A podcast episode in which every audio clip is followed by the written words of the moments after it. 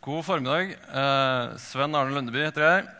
Og for å si litt mer om meg sjøl, så kan jeg si at eh, jeg er 33 år, gift med Maria.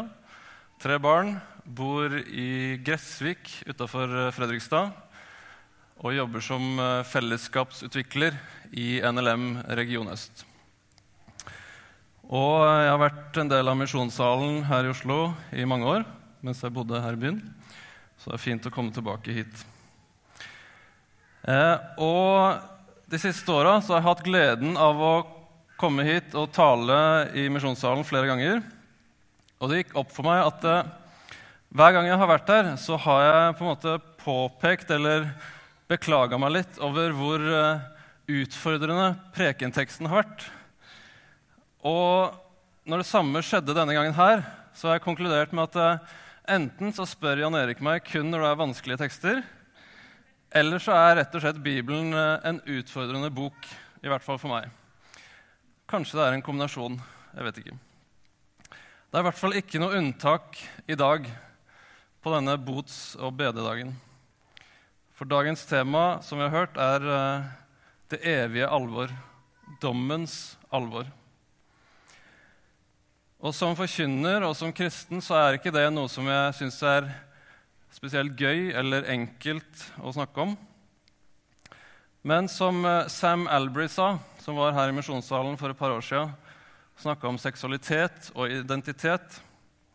Han sa det at eh, det er ikke alltid like enkelt eller gøy å forkynne Guds ord, men det er alltid et privilegium.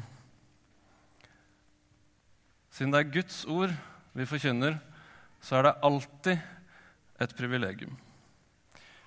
La oss lese dagens tekst sammen. Da kan dere gjerne reise dere. På reisen til Jerusalem dro Jesus fra by til by og fra landsby til landsby og underviste. Da var det en som spurte, 'Herre, er det få som blir frelst?' Han sa til dem, Kjemp for å komme inn gjennom den trange døren. For jeg sier dere, mange skal forsøke å komme inn, men ikke klare det. Når husherren først har reist seg og lukket døren, og dere blir stående utenfor og banker på og sier, Herre, lukk opp for oss, da skal han svare, Jeg vet ikke hvor dere er fra. Da vil dere si, Vi har jo spist og drukket sammen med deg og du har undervist på gatene våre. Men han skal svare, Jeg vet ikke hvor dere er fra. Bort fra meg, alle dere som gjør urett. Der skal dere gråte og skjære tenner når dere ser Abraham og Isak og Jakob og alle profetene i Guds rike, mens dere selv blir kastet utenfor. Fra øst og vest og fra nord og sør skal mennesker komme og sitte til bords i Guds rike. Da skal noen som er de siste, bli de første, og noen som er de første, bli de siste. Vær så god, sitt. Kjære Gud, vi takker deg for ditt ord. Og Hellige Ånd, og ber om at du må gjøre dette levende for oss. Uten deg så er det ingenting. Må du uh, bruke det og snakke til de som trenger det nå i dag. Amen. Det er kanskje fristende å sammenligne Jesus med en moderne politiker ut ifra det som vi akkurat har lest. Han får et konkret spørsmål, og så klarer han på elegant vis å unngå å svare på det. Og I stedet så begynner han å legge ut om noe han sjøl er veldig opptatt av. Høres det kjent ut? Eh, men der stopper også likhetene mellom Jesus og politikeren. For i motsetning til politikerne så var det ikke noe i veien med svaret. Det var spørsmålet som var feil. Og det ser vi gang på gang i evangeliene. Jesus får et spørsmål, og så svarer han på en måte som får fram at spørsmålet er egentlig feil stilt. Eller det er et annet spørsmål som er mye viktigere som de egentlig burde stille. Det betyr ikke at Jesus er imot spørsmål generelt. som jødisk læremester, som en rabbi, så brukte han spørsmål veldig aktivt sjøl i sin egen undervisning. Så problemet er ikke spørsmål i seg sjøl. Problemet er at eh, det er faktisk ikke alle spørsmål som er like gode eller like viktige. Og I dette tilfellet så er det en som kommer med et teoretisk spørsmål til Jesus. Og det var absolutt et aktuelt spørsmål, fordi det var ganske mye diskusjon blant de skriftlærde om akkurat dette her. Er det få, eller er det mange som blir frelst?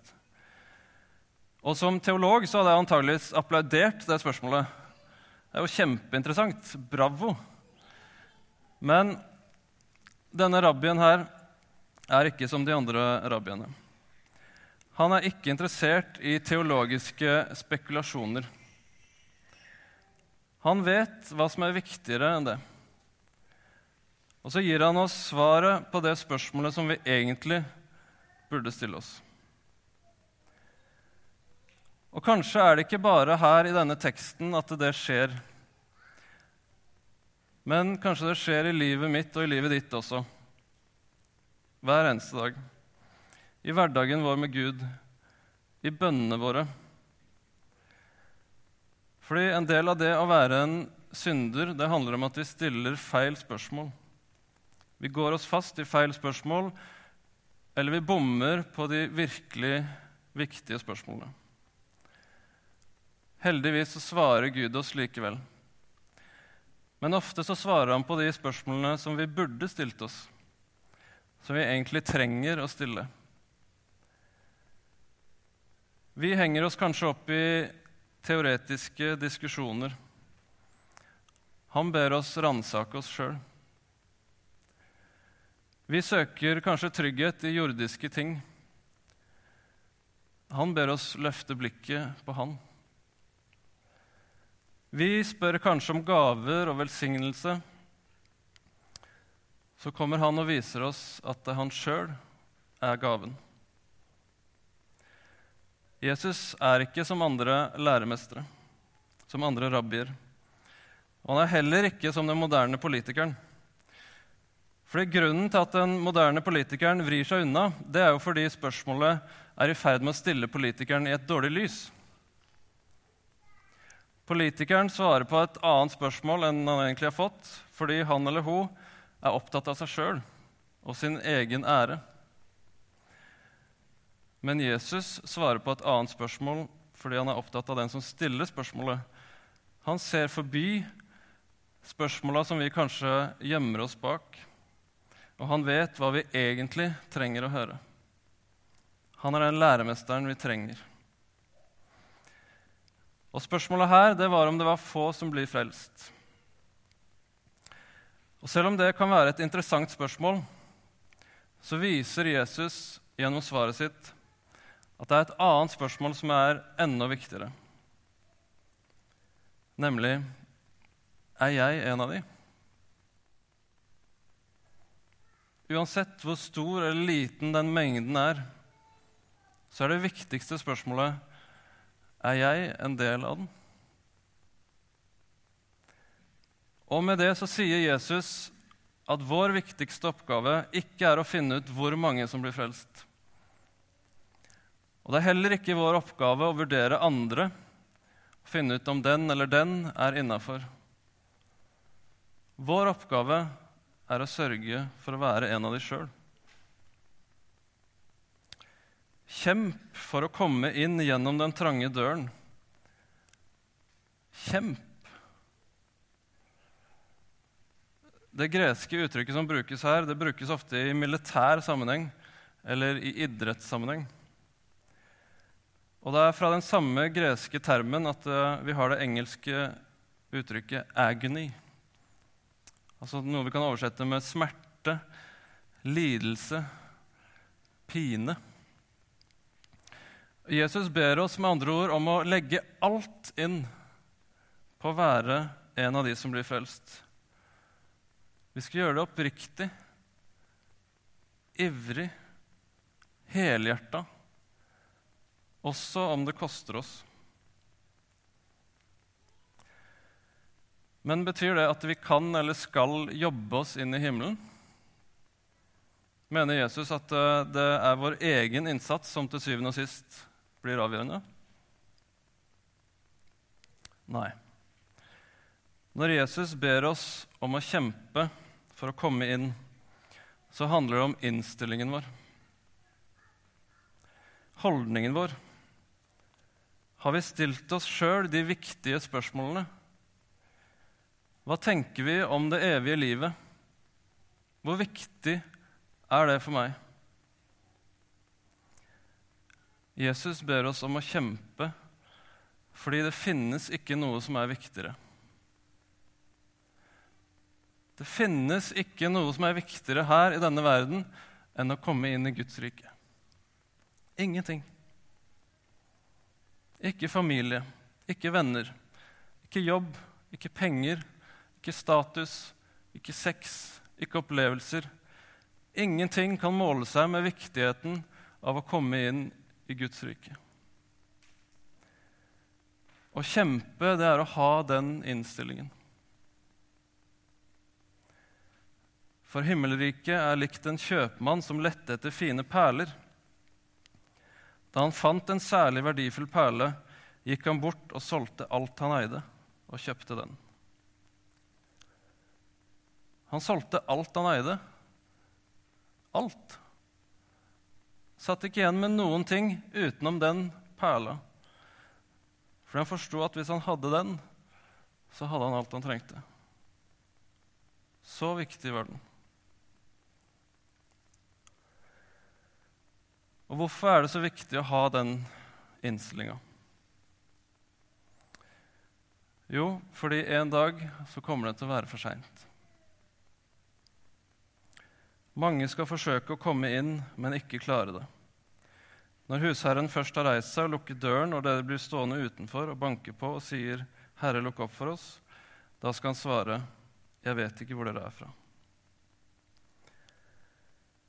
Spørsmålet handla om hvor mange som ble frelst, om antall. Men Jesus er mer opptatt av tidsaspektet. Det haster. Du må kjempe nå fordi det kommer en dag der det er for seint. Og da hjelper det ikke om du forsøker å komme inn seinere. Og igjen så tror jeg det handler om innstilling. Fordi det er en veldig tydelig kontrast mellom intensiteten i det å kjempe nå for å komme inn, eller forsøke å komme inn senere. Er dette her med Guds frelse og en evighet sammen med Han er det noe som er så viktig for deg at du er villig til å kjempe nå for å komme inn så fort som mulig? Eller er det noe som du tenker kan vente til en annen gang. Når det passer bedre, eller når alle andre håp er ute. Og Du tenker kanskje at det der Jesus-greiene det er sikkert verdt å tenke gjennom, men ikke ennå. Nå vil jeg leve livet, nå vil jeg ha det gøy, og, og så kan vi vurdere det der når vi blir gamle. Advarselen mot den innstillinga der den kan ikke bli sterkere enn det vi akkurat leste. En dag så blir døra stengt. Og da er det for seint. Da vil dere si, 'Vi har jo spist og drukket sammen med deg', 'og du har undervist på gatene våre'. Men han skal svare, 'Jeg vet ikke hvor dere er fra.' 'Bort fra meg, alle dere som gjør urett.' Jesus snakker her til jødene som avviste han. De som tenkte at siden de var Abrahams etterkommere, så var de automatisk innafor. Eller fordi de hadde tempelet der Gud bodde, i hovedstaden sin, så var de frelst. Og så hadde de jo tross alt vært sammen med Jesus mens han gikk omkring i Israel. De hadde spist med han, de hadde hørt på undervisningen hans. Men Jesus snakker også til oss i dag. Vi som tenker at vi er en del av en kristen kultur, vi som har kristne foreldre eller besteforeldre, Vi som er en del av NLM eller et annet kristent fellesskap. Vi som tenker at alt det der må jo bety noe. Vi har jo tross alt vært i nærheten av Jesus, vi har hørt undervisningen hans. Men han skal svare, 'Jeg vet ikke hvor dere er fra'. Grunnen til at noen blir stående utenfor og ikke får komme inn, det er at Jesus ikke vet hvor de er fra. Med andre ord han kjenner de ikke. Og Det kommer enda tydeligere fram i parallellteksten i Matteus 7, vers 22 og 23. Mange skal si til meg, altså til Jesus, på den dagen, Herre, Herre, har vi ikke profetert ved ditt navn, drevet ut onde ånder ved ditt navn og gjort mange mektige gjerninger ved ditt navn? Da skal jeg si dem rett ut. Jeg har aldri kjent dere. Bort fra meg, dere som gjør urett. I Lukas sin versjon så kommer det fram at det ikke holder å ha en kristen bakgrunn. Det holder ikke å være en del av en kristen kultur. Det holder ikke å ha vært i nærheten av et kristent fellesskap, vært i nærheten av Jesus, hørt hans undervisning. Og her i Matteus så blir det enda skarpere, enda mer alvorlig. For her er det snakk om folk som ikke bare er kjent med det kristne budskapet. De kaller Jesus herre, noe som betyr at de har teologien i orden. De har skjønt hvem Jesus er. Og ikke bare det, Det har gjort store gjerninger i hans navn. De er med andre ord fullt og helt engasjert i kristen tjeneste. Og likevel er de utenfor. Hvorfor? Fordi Jesus kjenner det ikke. De har ikke en personlig relasjon. De har kunnskap, de har engasjement, de har gode gjerninger. De har kanskje alt det som vi forbinder med et godt kristent menneske, utenom det viktigste. Det som alt bygger på, det som alt strømmer ut ifra. En personlig relasjon til Jesus Kristus. Og den som mangler det, blir stående utenfor for evig og alltid. Men hvordan vet jeg at jeg har den relasjonen til Jesus som får meg gjennom døra? Hvordan vet jeg at jeg er frelst? Se på hva folk løfter fram som grunner til at de blir frelst i de tekstene som vi har lest. Vi har jo spist og drukket sammen, vi har lytta til deg, vi har profetert, drevet ut onde ånder, gjort mange mektige gjerninger. Hva er fellesnevneren? Vi har. Grunnlaget for frelsen deres er det de sjøl har gjort. Troen deres bygger på de sjøl. Rett etter den teksten fra Matteus så kommer fortellingen om huset bygd på fjell. Og hva er egentlig forskjellen på de to husene? Jo, forskjellen er at det ene huset står på et fundament. Det andre huset er sitt eget fundament. Det ene huset kollapser fordi husbyggeren tror at huset i seg sjøl er et godt nok fundament. Det andre huset blir stående, ikke fordi huset i seg sjøl er bedre, men fordi det står på et fundament som ikke kan rokkes. Og det fundamentet er Jesus sjøl. Det han har gjort.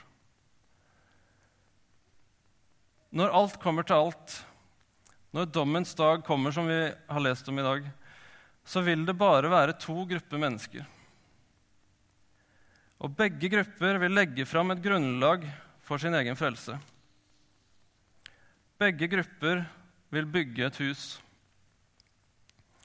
Og den eneste forskjellen på de to gruppene, det er at den ene gruppa mennesker er sitt eget fundament, mens den andre gruppas fundament er utenfor de sjøl, nemlig det ene mennesket, Jesus Kristus.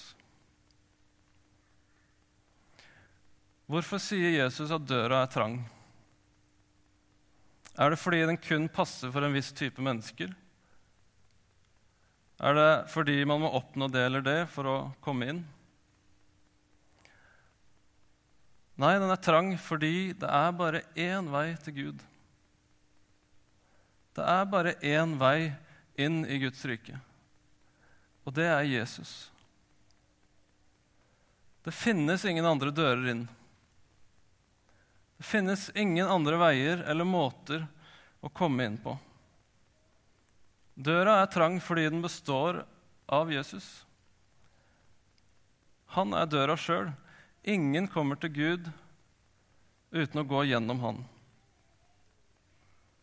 Det er kristendommens eksklusive sannhet som vi moderne mennesker har så vanskelig for å forholde oss til. Men i det så ligger det også et radikalt inkluderende budskap. I hvert fall for oss selvgjorte mennesker. For den som kommer til Jesus, han som er døra, han vil møte åpne armer og en åpen dør. Og Grunnen til at jeg kan være sikker på det, det ligger i det første verset i dagens tekst.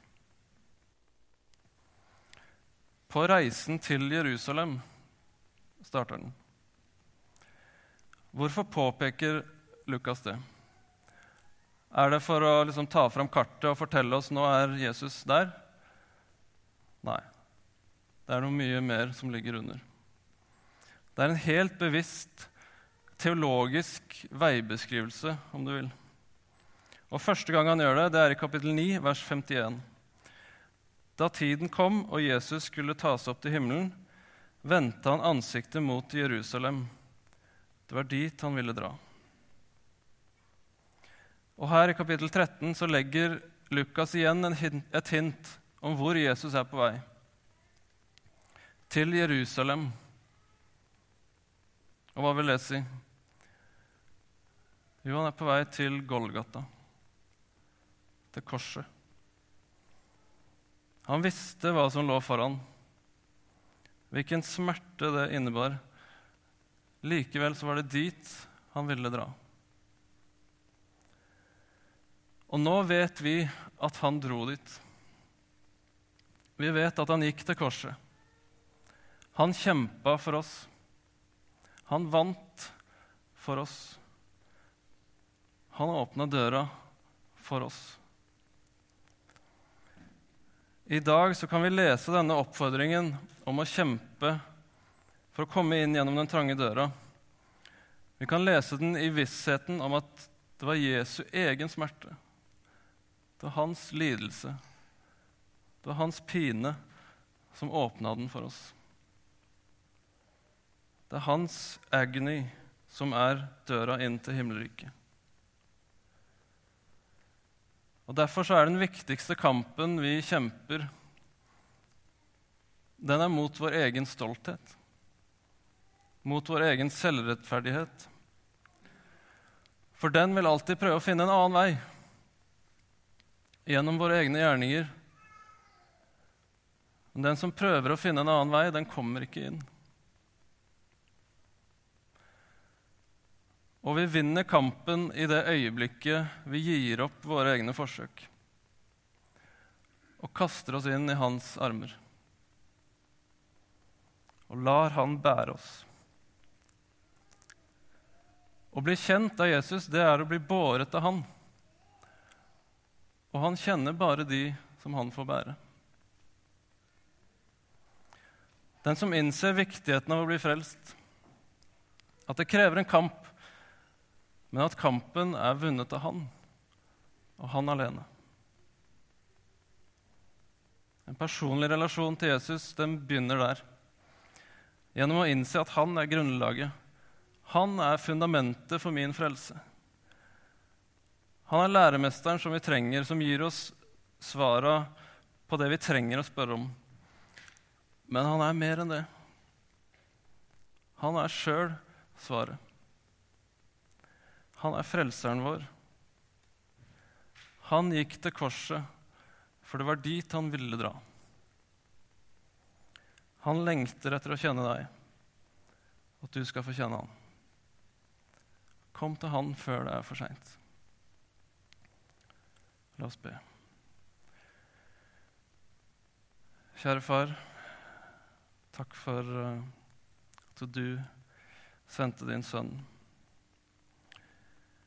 Og takk, Jesus, for at du ville dra til Jerusalem, selv om du visste hva som lå i vente der.